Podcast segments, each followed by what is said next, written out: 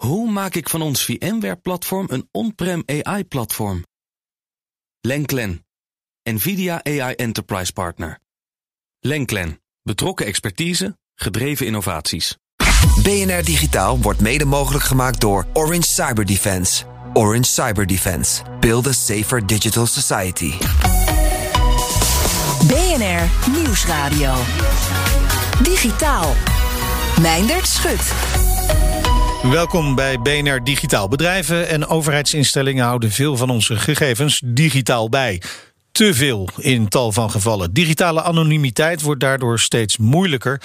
Is er überhaupt een weg terug naar privacyvriendelijke oplossingen? Nou, dat bespreken we zo. Eerst gaan we het hebben over elektronische apparaten. Die hebben natuurlijk stroom nodig en die stroom komt meestal uit batterijen, soms ook via een kabel. Maar die batterijen die vereisen kostbare grondstoffen. Kunnen we voor een duurzamere wereld bepaalde apparaten dan niet zonder batterijen laten werken?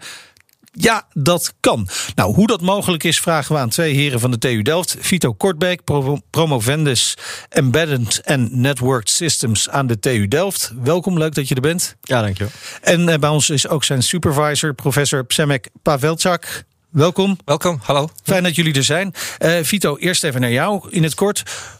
Hoe, hoe is het überhaupt mogelijk om elektronische apparaten te laten functioneren zonder, zonder batterij of stroomkabel? Ik moest wel een beetje gelijk denken aan die, die oude wetse kinetische horloges. Daar zag je mensen met hun armen zwaaien om hem maar werkend te houden. Moeten we daaraan denken? Ja, dat zou kunnen. Dus uh, het idee is dan dat je de energie. Er moet altijd ergens energie vandaan komen. Ja. En in dit geval haal je het dus uit andere bronnen. Dus niet in een batterij, maar bijvoorbeeld een klein zonnepaneeltje of misschien wel kinetische energie. Ja, dus, dus, jullie ontkrachten niet de wet van de bouw van energie. Nee, dat, het, moet toch, het, het zal altijd staan. ergens vandaan moeten komen. En we proberen het alleen ergens anders vandaan te halen. Alleen dan heb je het probleem dat het uh, soms te kort is voor een tijdje. Ja, te weinig energie ja. oplevert om ja. zo'n apparaat werkend te houden. Ja. Toch, toch is het jullie al wel gelukt om dit principe in praktijk te brengen bij een uh, gemodificeerde uh, Game Boy. Ja. Uh, dus die ook echt zonder batterij werkt. Hoe, hoe, hoe los je dat op? Ja, die werkte dan bijvoorbeeld met uh, twee manieren. Dus je had kleine zonnepaneeltjes die zaten eromheen. En de knoppen zelf, die wekten ook energie niet op. Dus als je de oh, knop terwijl indrukt, je gewoon ja, aan het spelen ja, bent? Terwijl je het aan het spelen bent, krijg je steeds meer energie. Dat en, is super slim. Ja. En dan uh, het idee daar is dan, dat is dan net genoeg om uh, misschien aan te blijven. Maar soms val je dan uit. En dan moet je weer verder gaan waar je gebleven bent. Want anders word je heel gefrustreerd.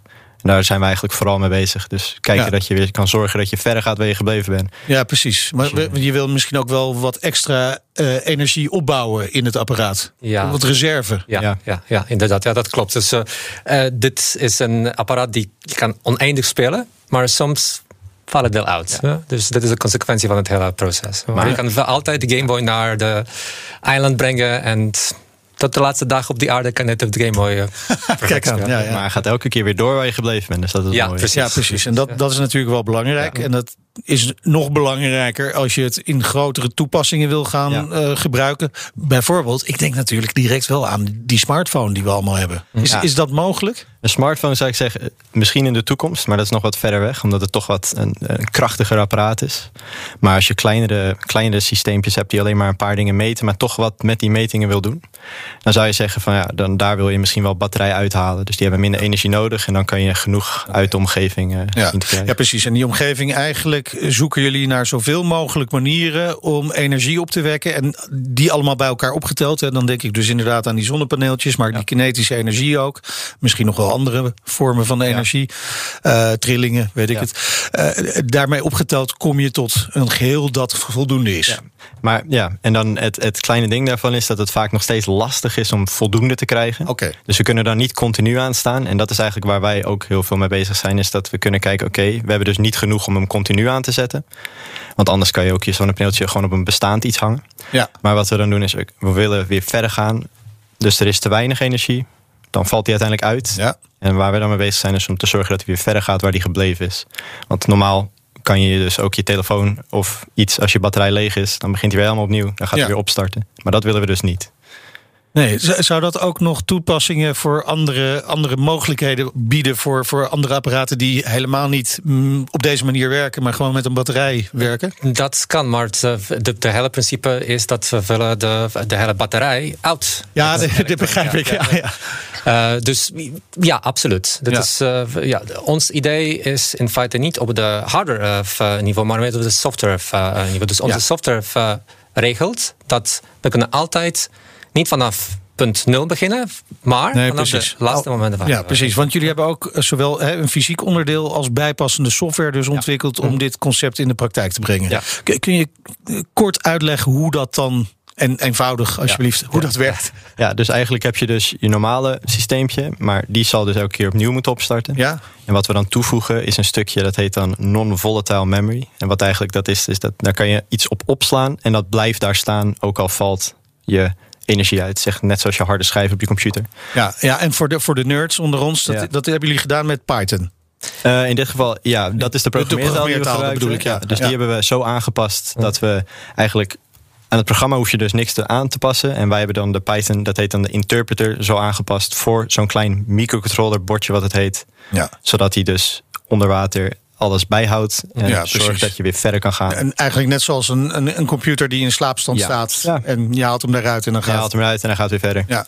Wat, wat nou wel bijzonder is, hè, dat jullie dit zo hebben bedacht... dat mensen thuis met een beetje technische skills... Mhm. Uh, ook apparaatjes zonder batterij kunnen laten werken. Ja, want het, het, het, idee is niet per se heel erg nieuw. We zijn er nog steeds mee bezig en het is nog steeds een onderzoeksveld wat steeds groter wordt. Maar wat je wel steeds ziet, is dat heel veel van de oplossingen toch nog steeds heel erg lastig zijn om toe te passen. En ja, als je ook meer innovatie wil qua ook apps bijvoorbeeld, dan moet je toch het in een breder publiek gebruikbaar zien te maken. En dat is eigenlijk waar we dan hiermee bezig waren. Dus dat eigenlijk met heel weinig programmeerervaring, met wat Python-ervaring, kan je al embedded apps maken die iets kunnen uitlezen, iets kunnen doen en dan gewoon lekker weer verder gaan waar ze gebleven waren. Uh, hoe, delen jullie die informatie met, met uh, de gewone mens? Alles is open source, alles oh, is online. Uh, dus de, de bronnen van software of, de hardware zitten op github.com slash tudssl slash befree. Nou, gelukkig is deze uitzending straks ook als podcast beschikbaar. dat mensen het nog een keer rustig kunnen terugluisteren. Inderdaad, dus alle informatie zijn daar beschikbaar. Ook de links naar de, naar de paper en naar de video waar alles is meer detail beschreven. En iedereen kan het zelf bouwen en meteen aan de slag met batteriloze wereld. Ja het wordt ook gedeeld via het platform Be Free, toch? Of niet? Sorry? Be Free, het platform? Dit is de naam van, de, van de platform. Ja, precies. Ja, dat is de over-encompassing name van uh, de hardware en de software. En de software ja. Oké, nou de, de, mensen die weten waar ze moeten zijn, die weten dat nu ongetwijfeld. Um, als we dan kijken naar het soort apparaten, want ik, ik, had het net al over die smartphone, dat is misschien het ultieme doel, kan ik me voorstellen. En wat we over een aantal jaren allemaal wel niet nog meer bedenken. Um, maar wat voor apparaatjes zou je uh, nu draadloos kunnen laten werken, behalve, behalve zo'n Game Boy? Ja, dus nu denk je vooral nog aan apparaten die iets meten uit de omgeving. Want elke keer hoor je ook de quotes van meer IoT, Internet of Thing devices. Dat er echt miljarden overal die allerlei verschillende data verzamelen. Van in muren tot waar dan ook over allerlei omgevingsvariabelen. En dus dit gaat dus om apparaten eigenlijk met sensoren? Ja, apparaten met sensoren die dan wel iets willen verwerken van de sensoren. En het daarna weer of opslaan of versturen of wat dan ook. Dus waar, waar, moet ik dan aan denken? Aan, aan weerstationnetjes bijvoorbeeld? Ja, bijvoorbeeld in de, in de paper met het Python hebben we een klein weerstationnetje gebouwd. En dan uh, ja. Of kleine Bluetooth beacons die helpen om de indoor mensen te lokaliseren. Alles is nog steeds gebaseerd op de dikke batterij. Hè? Ja, precies. Ja. En je wil eigenlijk die batterij eruit halen. Want, mhm. want daar zitten natuurlijk uh, zeldzame metalen in, bijvoorbeeld. Die, en die hebben een impact op, op het klimaat. Inderdaad. En niet alleen de, de, de impact op, op aarde en, en de CO2-emissies, maar ook het kost is superbelangrijk. Hè? Ik, anekdotisch, ik heb een paar jaar geleden gehoord over een bedrijf op Schiphol. Die heeft letterlijk een soort kleine beacon-apparaatjes geïnstalleerd om, om mensen te lokaliseren. Er was één persoon daar, betrokken alleen op elke dag door de hele Schiphol rond te lopen om de batterijen te vervangen. Ja, dat wou ik net zeggen. De batterijtjes vervangen. Dat is echt, echt een gedoe natuurlijk. Ja, ja precies. En, dat willen, en, en met, met onze techniek, de intermittent computing, dat is niet meer nodig. Nee. Is er al interesse vanuit de markt? Ja, inderdaad. Uh, Vito en een andere PhD-student van mij, Jasper de Winkel, die was betrokken bij het Gameboy-project, uh, zitten in het eenweel gesponsord project die heet Zero, Battery Free of uh, IoT. Dat, deze hele project zijn met heel veel bedrijven, werken sinds 2000. 15, 16 denk ik, ja. In, in, in het gebied van, van batterijloos, intermittent en uh, energiezuining, IoT. Ja. Okay. En jullie hebben de resultaten ook al gepresenteerd hè, op een belangrijke conferentie over ubiquitous uh, computing. ja, ja uh, eigenlijk de manier wat je net al zei, Internet of Things. Uh, hoe, hoe, wordt daar dan op, op gereageerd en, en op voorbeduurd? Ja. ja, je ziet dat de laatste jaren ook vooral bij dit soort conferences, maar ook andere, dat er steeds meer gefocust wordt op battery-free en intermittent computing. Dus ja. Eh, steeds meer oplossingen. Nu, dit jaar zag je ook weer AI-oplossingen langskomen, wat ook nog weer een toepassing kan zijn. En ja, je ziet dat er steeds meer interesse is voor battery-free. Ja, En, en Game Boy had, had een best paper award gewonnen. Ja. Ja, week, uh, ja, week geleden. Dus, uh, ja. Uh, in, in het laboratorium werkt dit. -hmm. Hè? Jullie Game Boy, dat werkt. hoe lang gaat het nog duren voordat we dit dan in de praktijk ook gaan kunnen meemaken? Ja, dat vind ik altijd lastig te voorspellen. Natuurlijk, wetenschap is lastig, maar toch even dat kijkje in de toekomst. Ja, maar ik denk dat dit soort, misschien niet voor een gamer, maar misschien voor de kleinere sensoren, ik denk toch dat het wel in een nabije toekomst. Uh, Wat is nabije toekomst? Ja, ik, ik, ik zou hopen zelf toch wel dat er binnen vijf jaar wel dingen op de markt zijn die op zijn moment wel batterijloos zijn. Ja, nee, ja, absoluut. Vijf jaar? Ja, misschien niet de smartphone, maar. Nee, maar die sensoren op, op luchthavens en dergelijke in gebouwen. absoluut, absoluut. In muren zijn ingebouwd dat niet iemand eerst een gat hoeft te boren in de muur. Niet alleen de, de muren, ook in de lichaam. Waarom niet? In de lichaam. Ja. Uh, Oké. Okay. Ja. Dus, waar moet ik aan denken dan precies? Dan denk over sensoren die meten ja, temperatuur of, of uh, bepaalde soorten bacteriën die zitten in ons, ons, oh, wow. ons lichaam. Ja. En de, die informatie wordt direct verstuurd naar onze ja, uh, mobiele telefoons. En nou, die soort, dit soort sensoren zijn wel beschikbaar, maar ze zijn nog steeds gebaseerd op de batterij. Op de batterij ja.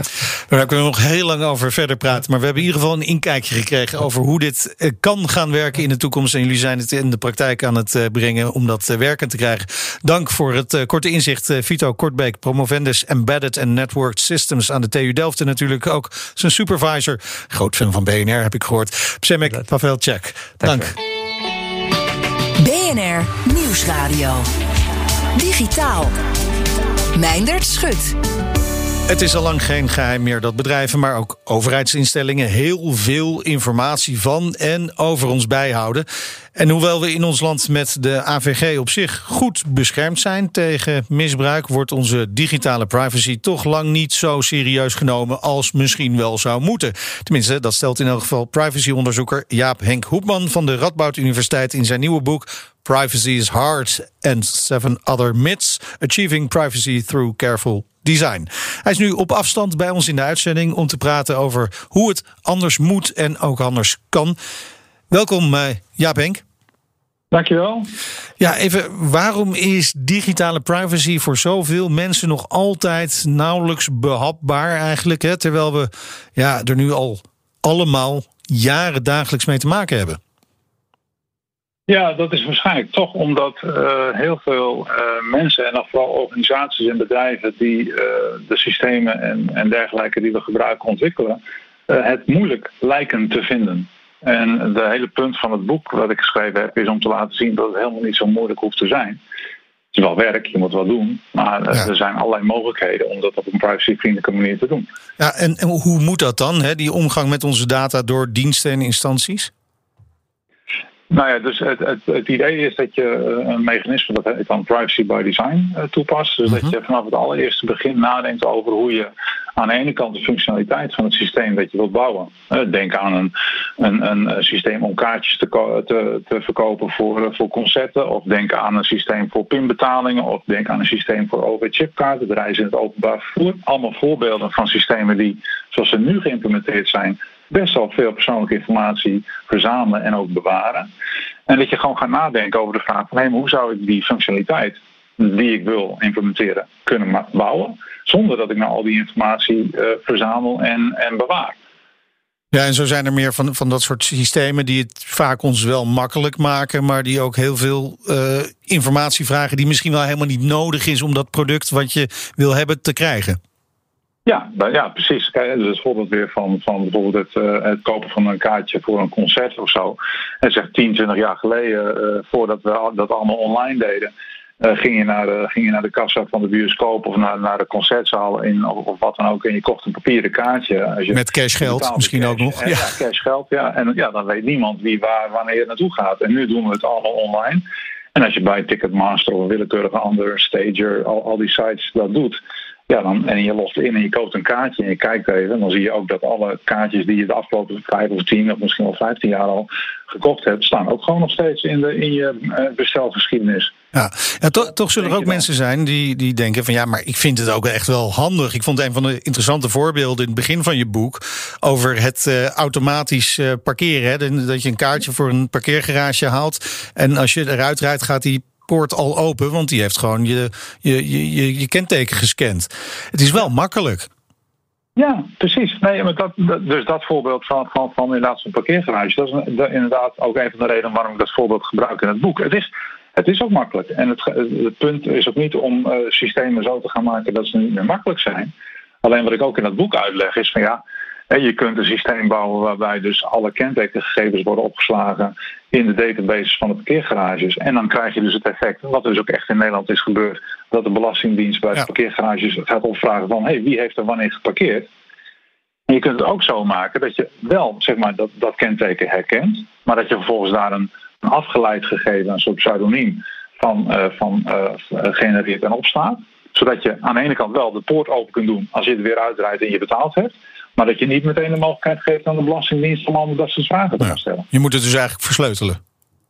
Ja, nou ja, de, op een bepaalde manier. technische term, maar goed, je moet iets doen waardoor ja. je die, die data daar beschermt. En eigenlijk geldt voor al die systemen die we gebruiken dat je moet, je moet even omdenken. Je moet even ja. net op een andere manier denken. En dan, dan is het over het algemeen helemaal niet zo heel erg moeilijk. Je moet het even doen. Ja, en, en je zegt moet, en dat is ook terecht, hè, want de AVG eh, moet worden gehandhaafd door de autoriteit persoonsgegevens. Maar ja, die klaagt al consequent ja. over te weinig budget en uh, capaciteit ja. om dit soort zaken te behandelen. Uh, is dat. Is dat het echte probleem? Of ligt het probleem meer inderdaad aan de andere kant dat we het niet goed ontwerpen? Of allebei? Um, nou, het, het, is eigenlijk het is allebei. Kijk, ja. het, vervelende, kijk het vervelende is dat uh, zolang een autoriteit uh, persoonsgegevens niet handhaaft, en, en, dan, ja, waarom zou jij dan als aanbieder van een dienst of als organisatie uh, je systeem omgooien? Want dat kost geld. En gewoon hetzelfde blijven doen kost geen geld. Maar kijk, op het moment dat de, de autoriteit gaat handhaven en zeggen: ja, je doet het nu verkeerd. En sowieso, hè, er is een verplichting in de AVG ook om privacy by design en default uh, in te voeren, om dat te gebruiken. Uh, dan wordt het een ander verhaal. Dus de, de, het is een combinatie van aan de ene kant handhaven en aan de andere kant ook.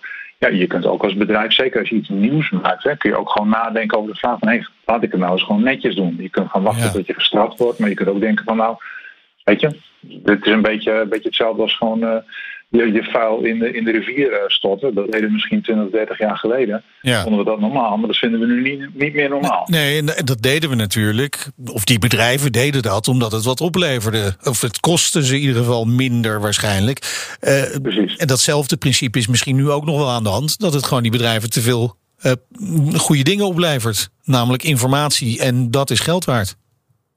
Ja, nou ja, en dat is, dat is natuurlijk een kwestie. Kijk, je hebt in die zin, je hebt zeg maar, even grof gezegd, de, de helft van de bedrijven uh, ontwerpsystemen, omdat inderdaad het hele businessmodel van hun uh, gebaseerd is op uh, persoonlijke informatie. En daarom zijn die diensten alle gratis. Denk aan Facebook, denk aan, denk aan Google, en et cetera. Maar ook heel veel, zo'n systeem als een parkeergarage, en die, dat, dat, is, dat is gewoon een, een fout ontwerp. Ja. Die, die, gaan, die zijn helemaal niet in de business van het verkopen van die gegevens. Dus die, dan heb je het gewoon ja, per ongeluk fout gedaan. En dan kun je het ook gewoon goed doen. Ja, precies. Dus dat is een bedrijf dat nog wel belang heeft om het goed te doen. Om, om het voor de consument aantrekkelijk te maken. Kunnen we als, ja. als burgers, als consument ook afdwingen dat dit gebeurt. Hè? Want zoals je zegt, ja, het afdwingen van de, van de AVG, dat, dat wil nog niet echt van overheidswegen helemaal goed lukken. Maar we kunnen natuurlijk zelf ook wat doen. Heel veel mensen zijn van Facebook afgegaan, bijvoorbeeld. Ja, nou ja, heel veel. Een aantal. Ja, ja nee, ze, hebben nog steeds heel veel mensen die inderdaad een Facebook-account hebben. Ja, dat klopt. En steeds ja, meer. Dat is het, ja, nou, dat is een beetje het lastige. Hè. Van, aan de ene kant zou je zeggen van, uh, van als je als je gewoon met je voeten nou, stemt tussen aanhalingstekens door, door weg te lopen bij die diensten die, die heel erg je privacy schenden, dat, dat helpt natuurlijk. Maar dat is lastig, zeker als het gaat om Facebook. Van ja, iedereen anders zit erop. En je zit op een sociaal netwerk om sociaal te zijn. Niet om in je eentje op een sociaal netwerk te zitten. Dat is niet, dat is niet helemaal de point. Dus dat, dat maakt het wel lastig. Kijk, voor een deel kun je dat dus wel doen. En je kunt ook gewoon voor een deel uh, rugbaarheid geven aan je ongenoegen. En het begint ook voor een deel, en dat is ook iets wat dit boek probeert te doen een bewustwording bij de, de, de, ja, het algemene publiek te creëren. Om, te, om in te zien dat bepaalde technologie die heel makkelijk lijkt te werken, uiteindelijk wel gebruik maakt van persoonsgegevens en dat dat risico's creëert. Waar je ja, misschien even twee keer over moet nadenken. Net zoals dat ja, voor milieuwetgeving geldt en voor het nette omgaan met het klimaat. Uh, geldt dat eigenlijk ook voor persoonsgegevens. Is het eigenlijk een beetje typisch Nederlands om, om ons niet al te druk te maken over de digitale privacy? Nou, volgens mij geldt dat in heel veel landen. Ik denk dat, dat Duitsland over het algemeen wat, wat uh, mensen daar wat meer bewust zijn van het probleem. Uh, ja, er zitten wel, wel wat culturele verschillen in. in. Hier in Zweden, bijvoorbeeld waar ik nu toevallig zit, is het heel normaal dat je gewoon van iedereen de, de volledige inkomen, uh, inkomen en belastingaangifte kunt zien. Bijvoorbeeld, nou, dat kunnen wij als Nederlander ons weer helemaal niet voorstellen. Dus dat, daar zit verschil in. Ja, je, je, zit nu op dat congres in Zweden. Eh, daar gaat het bijvoorbeeld ook over die zaak van Amazon, hè, met die boete voor persoonlijke advertenties. Is dat echt iets wat, wat nu echt op de kaart staat en echt gaat veranderen? Nou, als het uiteindelijk die, de, die boete stand houdt, hè, want daar is mm -hmm. natuurlijk nu nog discussie over, ja. maar dan wordt het wel interessant. Want dan, dan, dan zegt eigenlijk de, de, wordt eigenlijk tegen dat soort bedrijven gezegd van ja, een persoonsgerichte advertentiemodel, hè, dus het gebaseerd op profileren van mensen dat is niet iets wat je zomaar mag doen. Maar je, als je dat wil doen, dan moet je echt expliciete toestemming vragen iedere keer dat je dat doet. Ja, dat gaat natuurlijk niemand geven. Nee.